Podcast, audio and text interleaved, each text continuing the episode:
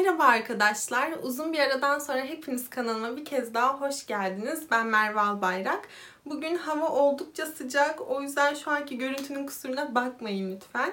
Bugün sizlerle birlikte başlıktan da görmüş olduğunuz üzere son derece garip bir olay hakkında, sizlerin benden istemiş olduğu bir olay hakkında Elizabeth Diane Dons hakkında konuşacağız. Elizabeth Diane Dons 7 Ağustos 1955 tarihinde Birleşik Devletler Arizona'da dünyaya geldi. Kendisinin 3 tane de kardeşi vardı. Anne babası çevresindeki insanlar tarafından her ne kadar birazcık kuralcı ve muhafazakar olarak biliniyor olsalar da Diane ilk defa 12 yaşındayken babasının kendisine karşı olan bazı davranışlarını fark etmeye başlamıştı. Yani aslında bu davranışların bir öncesi de vardı, bir geçmişi de vardı. Ama küçük kız ilk defa 12 yaşlarındayken babasının bu davranışlarının kendisine karşı olan bu yakın temasının ne anlama geldiğini, daha doğrusu ne anlama gelebileceğini yavaş yavaş idrak etmeye başlamıştı. Ve bu aydınlanmadan sonra küçük kızın en büyük arzusu bir gün bu evden uzaklaşmaktı. Bir gün bu evden, bu insanlardan uzaklaşmak en büyük amacı haline gelmişti. Çünkü babasının bu yakınlığı, bu davranışları sık sık tekrarlıyordu ve Dayani bunun önüne geçemedikçe, bu duruma engel olamadıkça bu sebepten ötürü kendisini suçluyordu ve baktığınız zaman evden ayrılmak dışında, bu evden uzaklaşmak dışında kendisine hiçbir çıkar yol bulamıyordu ne yazık ki. İşte bu yüzdendir ki Diane liseden mezun olduktan sonra Orange, California'da bir koleje kaydoldu. Bu kolej aynı zamanda dini eğitim veren de bir okuldu. Fakat ne yazık ki genç kız bu dönemde tamamen bütün hayat amacını bir erkek bulmaya odakladığı için onun bu davranışları ve bu tutumları çevresindeki insanlar tarafından onun tam bir erkek delisi olarak görünmesine sebep oluyordu. Evet çevresindeki insanlar hatta öğretmenleri bile bir süre sonra Diane'in hareketlerini son derece uygunsuz ve alışılmışın dışında görmeye başladılar. Onu bir erkek delisi olarak görüyorlardı. Diane'in bir erkek olmadan hayatını idame ettiremeyeceğini düşünüyorlardı. Ve genç kızın bu davranışları çevresindekiler tarafından uygunsuz bulunduğu için, okul idaresi tarafından uygunsuz bulunduğu için hatta yani söylemesi zor ama onun birazcık hafif meşrep olduğunu düşündükleri için onu okuldan uzaklaştırdılar. Dayani haliyle daha eğitiminin birinci yılında okuldan uzaklaştırıldıktan sonra ne yazık ki ailesinin yanına Arizona'ya geri dönmek zorunda kaldı.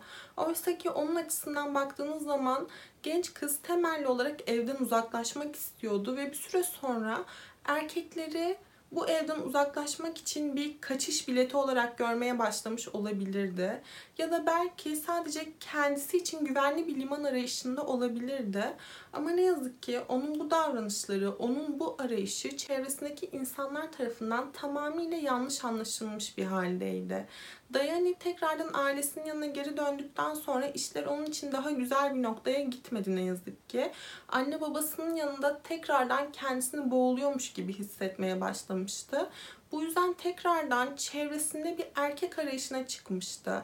Yani henüz sadece 18 yaşlarında genç bir kız olmasına rağmen bir an önce bir erkek bulmak ve bir an önce evlenip bu evden ayrılmak istiyordu. Elizabeth Diane'nin arayışı en nihayetinde bir sonuç verdi ve her ne kadar anne babası bu duruma karşı olsalar da genç kız 13 Kasım 1973 tarihinde henüz sadece 18 yaşındayken evden kaçtı.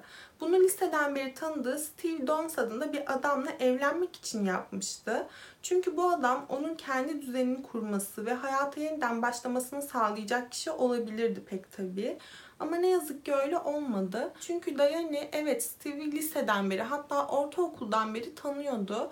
Her ne kadar böyle o zamana kadar romantik bir ilişkileri olmamış olsa da Diane bu adamın kendisini mutlu edeceğini, bir şekilde yani kendisini tatmin edeceğini hissediyordu ve bu yüzden de onunla evlenmek için anne babasının onayı olmadan evden ayrılmıştı.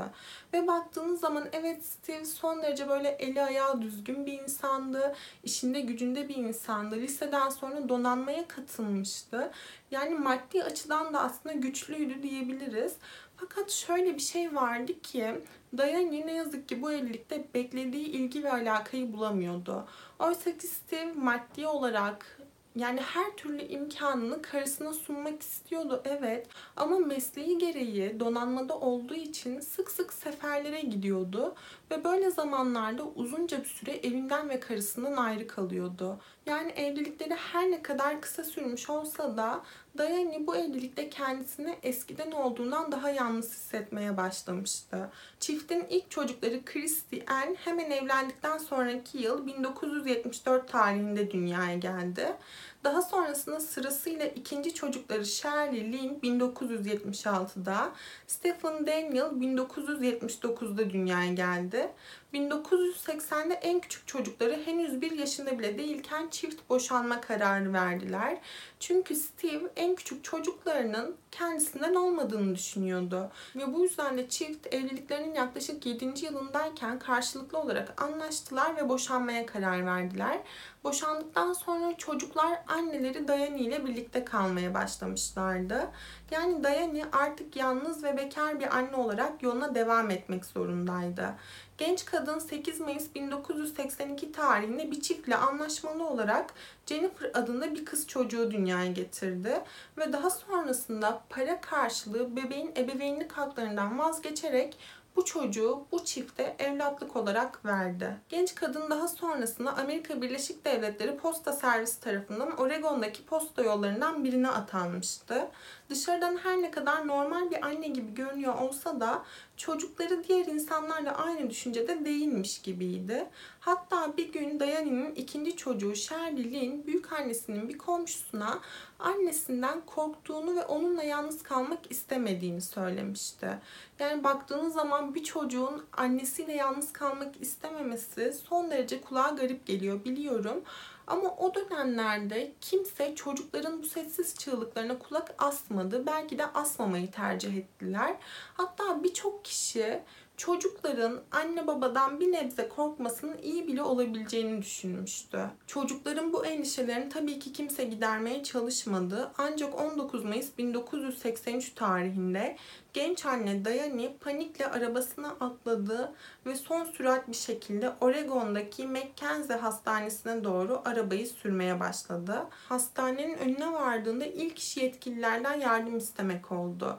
Yetkililer arabanın kapılarını açtığında ise o korkunç manzarayla karşılaştılar.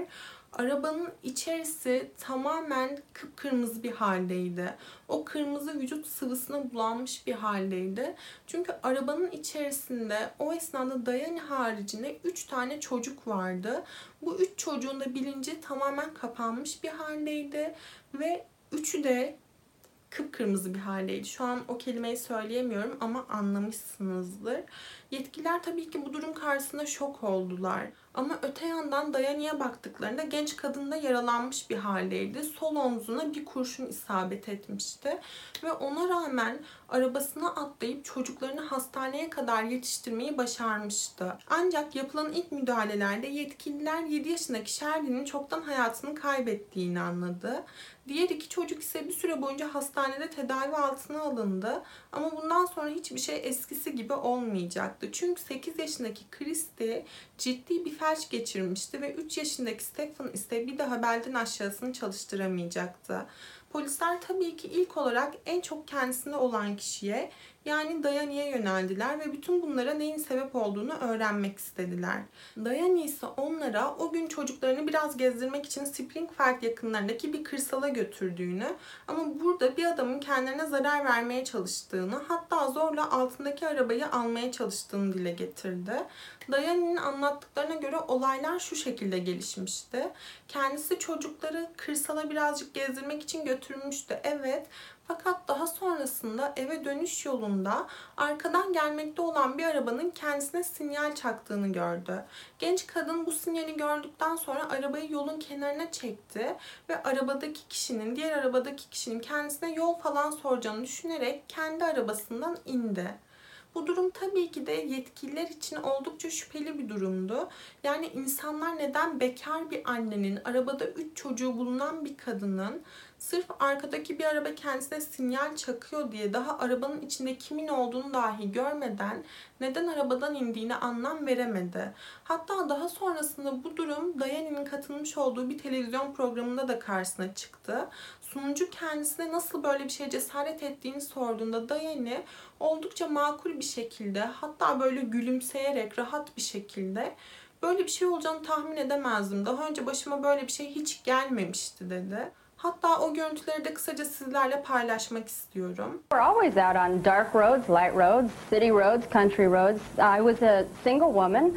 I had been divorced for a couple of years, and quite frankly, I got pretty used to driving by myself with the kids. So late at night, 9.30, Oh, four- 9.45, 9.50, 10 o'clock Sure. at night, the stranger is in the middle of the road, uh, and it, so it didn't even occur to you that maybe I shouldn't stop?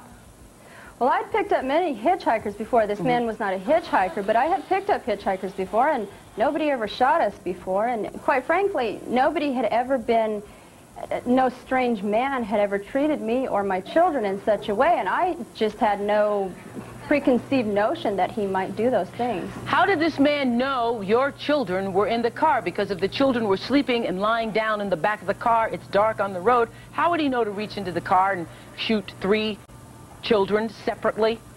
Oprah, I can only give you my conclusion as to what I think might have happened because I don't know. I didn't take the time to ask him how or why. But when he when he got inside the car, um, the, there was a light on inside the car. He could have easily seen the children. If you want an opinion, in my opinion, Yeah. it is possible Diane'nin diğer ifadelerine göre kendisi bu sinyali gördükten sonra arabadan inmişti ve diğer arabadan inen adam kendisine yanaştığında onun elindeki anahtarları almaya çalışmıştı. Diane bir süre boyunca bu adamla boğuştuktan sonra elindeki anahtarları çalılığa doğru fırlatıyormuş gibi yapmıştı ama fırlatmamıştı. Adam ise bu noktada Diane'nin anahtarları fırlattığını düşünerek çalılıkların arasına girmişti. İşte genç kadın bu noktada fırsattan istifade tekrardan arabasına atladığını ve arabasını çalıştırdığını iddia ediyor. Ve yine kendisinin iddialarına göre bu adam, bu gizemli adam genç kadının arabayı çalıştırdığını gördükten sonra paniklemişti ve arabaya doğru rastgele bir şekilde ateş açmıştı. Bu noktada ise Diane arabaya ateş açıldığını farkındaydı fakat çocuklarının bu kadar hayati bir şekilde yaralandığını fark etmemişti ve kendisi de sol omzundan yaralanmıştı. Ama daha sonrasında yapılan incelemelerde Diane'nin yakın mesafeden vurulduğu ortaya çıktı. Yani uzaktaki biri arabasına doğru ateş açarken yaralanmamıştı.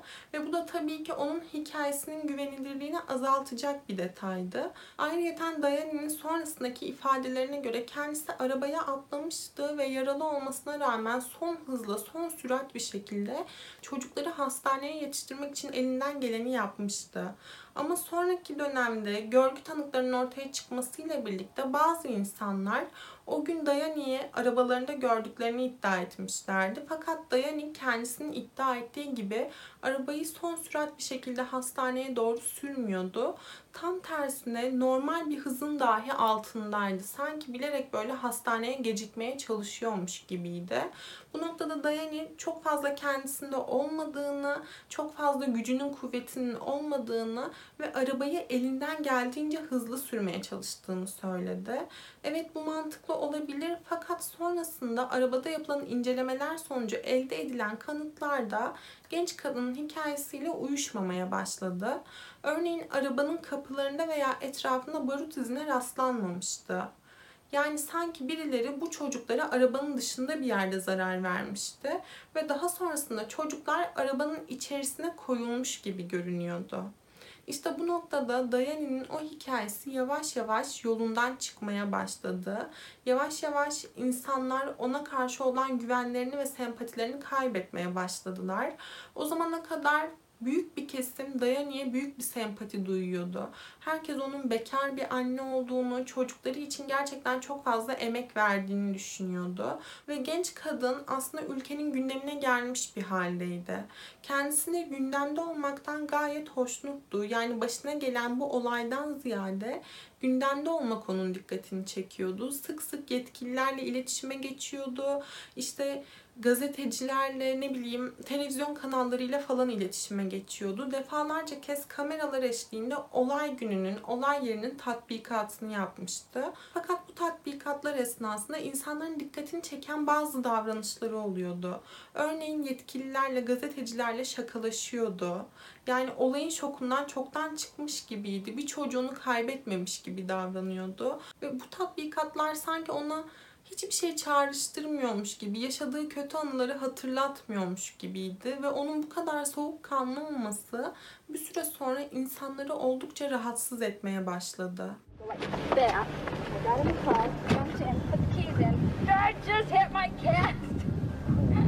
Started the car and left. The car door shut itself. God, this is worse than okay. Gördüğünüz gibi Dayani bu dönem içerisinde bu hikayeyi gerek yetkililere gerek medyaya defalarca kez anlatmak durumunda kalmıştı. Fakat bunun kendisi için tabii ki de bir dezavantajı olacaktı.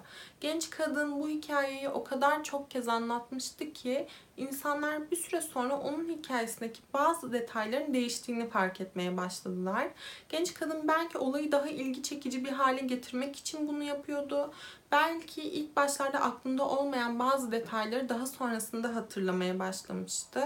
Ama bir sebepten ötürü hikayesinde bazı küçük değişiklikler ortaya çıkmaya başladı. Örneğin ilk başlarda vermiş olduğu ifadelerinde kendisine doğru yanaşan ve kendisine ve çocuklarına bunu yapan adamın uzun saçları olduğunu ve bu saçların böyle rüzgarda dalgalandığını söylüyordu. Fakat daha sonrasında medyaya anlattığı hikayelerde adamın yüzünü çok fazla tahmin edemediğini, çünkü havanın son derece kararmış olduğunu ve adamın da bir kar maskesi taktığını dile getirdi. Hatta bir süre sonra hikaye öyle bir noktaya gelmişti ki bu adamın tek bir kişi olmadığını, iki belki de üç kişi olabileceklerini söylemeye başladı. Dahası daha sonrasında polisler tarafından fark edildi ki Dayani bir çocuğunu kaybettikten sonraki bu dönemde diğer iki çocuğu da hastanede tedavi görmeye devam ederken eski bir iş arkadaşı olan Robert adında bir adamla iletişime geçmeye çalışıyordu. Robert evet Dayani'nin eski bir iş arkadaşıydı fakat evli bir adamdı. Hatta daha sonrasında Dayani'nin evinde yapılan incelemelerde genç kadının Robert'a yazmış olduğu bazı mektuplar da ortaya çıktı. Bu mektuplardan bazıları Robert'a postalanmıştı fakat Robert tarafından teslim alınmadığı için adrese geri iade edilmişti. Ve bu mektuplarda Diane Robert'a karşı birçok garip söylemde bulunmuştu. Polisler bu mektuplardan yola çıkarak ikilinin bir zamanlar bir ilişki yaşadıklarını fakat daha sonrasında bu ilişkinin sonlanmış olabileceğini tahmin ettiler. Diane bu mektuplarda Robert'a böyle sitem eder gibi çocuklarım yüzünden mi beni kabul etmiyorsun? Onlar olmasaydı her şey daha mı farklı olurdu tarzında birçok söylemde bulunuyordu. Bütün bunlar üzerine polisler Robert'la iletişime geçtiler ve Robert polislerle olan iletişimi esnasında Diane ile bir süre boyunca bir ilişki yaşadığını kabul etti. Fakat daha sonrasında Diane kendisi için birinci kadın olmak istemeye başlamıştı. Yani bu adamdan karısını boşamasını istiyordu, kendisine gelmesini istiyordu. Fakat Robert ailesini ve karısını terk etmek istemiyordu. Düzenini bozmak istemiyordu. Yani kendisi Diane'yi o zamana kadar sadece bir kaçamak olarak görmüştü ve kendi ailesini terk edip üç çocuklu bir kadının sorumluluğunu almak istemiyordu. Ama Diane'nin kendisine karşı bu tarz beklentilere girdiğini görünce haliyle Diane'den uzaklaştı. Zaten daha sonrasında Diane'nin başka bir yere çalışmak için gitmesiyle birlikte Robert da tamamen kendi karısına yönelmişti. Diane ile olan iletişimini kesmeye çalışmıştı ve kendi karısıyla olan ilişkisini ilerletmek için elinden geleni yaptığını söylüyordu. Ama bu durum tabii ki de Diane'nin sinirlerini son derece bozmaya başladı. Robert da birçok kez iletişime geçti. Gerek onu aradı, gerekse mektuplar gönderdi. Hatta Robert'ın söylediklerine göre birkaç kez genç adamın evine dahi gitmişti. Ve Robert'ı açık açık onun karısına zarar vermekle tehdit dahi etmişti. Yani eğer Robert karısını boşamazsa Diane bu kadına zarar vereceğini hatta onun hayatına son verebileceğini söylüyordu. Polisler bu sorgu esnasında hem Robert'tan hem de Diane'in eski kocası Steve'den bir ipucu almayı başarabilmişlerdi. Bu iki erkeğin iddialarına göre Diane'nin 22 kalibrelik bir silahı vardı. Hatta genç kadının evinde yapılan incelemeler esnasında evde birçok ateşlenmemiş kovan bulundu. Fakat bu iki erkeğin bahsetmiş olduğu alet ortalıklarda yoktu. Ancak yine de polisler bu durumu birazcık incelediklerinde Dayani'nin gerçekten de bütün bu olaylar yaşanmadan bir süre kadar önce Arizona'dan bir alet aldığını tespit etmişlerdi. Fakat Dayani bekar bir anne olduğu için, yalnız bir kadın olduğu için böyle bir alet aldığını, fakat hiçbir zaman kullanmadığını ve daha sonrasında bu aletin kendi kendisine ortadan kaybolduğunu dile getirdi. Ama yine de bütün bunların üst üste gelmesiyle birlikte Dayani 28 Şubat 1984 tarihinde tutuklandı ve bir çocuğun hayatına son vermekten, diğerlerine de teşebbüs etmekten dolayı suçlandı. Soruşturmadaki en büyük görgü tanığı ise Dayani'nin kızı Christy olmuştu. Küçük çocuk konuşma yetisini tekrardan kazandığında mahkeme karşısına çıktı ve annesinin kendilerini arabayla bir kırsala götürdüğünü ve orada hem kendisine hem de kardeşlerine ateş açtığını iddia etti. Savcılık ise genç kadın çocuklarına kıyma noktasına gelmesindeki en büyük motivasyonunun özgür bir hayat istemesine dayandığını iddia ediyordu.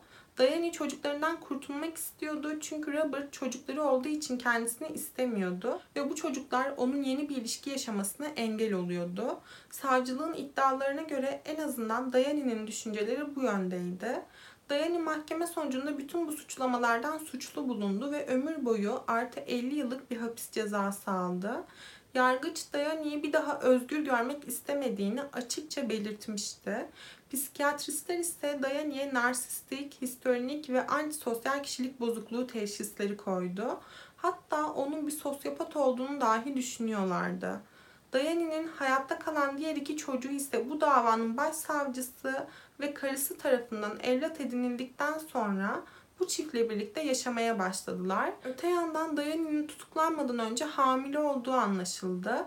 Genç kadın tutuklandıktan sonra Amy Elizabeth adını verdiği bir kız çocuğu daha dünyaya getirmişti. Hatta mahkeme salonuna girerken böyle karnını işaret ederek insanlara şişmiş olan karnını gösteriyordu ve bu durumla övünüyormuş gibi görünüyordu. Yani belli ki aslında Dayani de sırf bütün ilgiyi, insanların bütün alakasını üzerinde tutabilmek için hamile kalma bağımlılığından muzdarip olan kadınlardandı ki biliyorsunuz ki böyle kadınlar gerçekten var. Bazı kadınlar sırf çevrelerindeki insanların ilgilerini ve alakalarını üzerinde tutabilmek için durmadan bu hamileliğin avantajlarından faydalanmak istiyorlar ve bu yüzden çocuk sevmedikleri halde defalarca kez hamile kalabiliyorlar. İşte Dayani de bence bu kadınlardandı. Ancak Dayani tutuklu kaldığı bu dönemde bir keresinde 11 Temmuz 1987'de 18 metrelik jiletli bir tel çite tırmanarak hücresinden kaçmayı başardı.